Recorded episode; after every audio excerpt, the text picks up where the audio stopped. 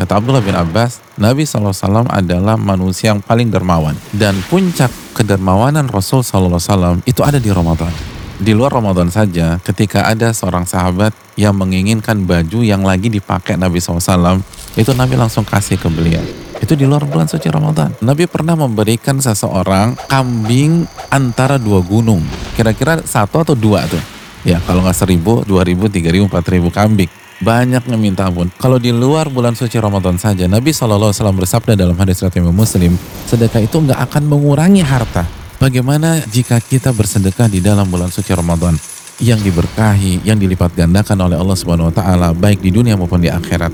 Dan bisa jadi itu yang menjadi Allah membuka pintu rezeki kita asal ikhlas karena Allah dan mengharapkan akhirat dan mengharapkan dunia.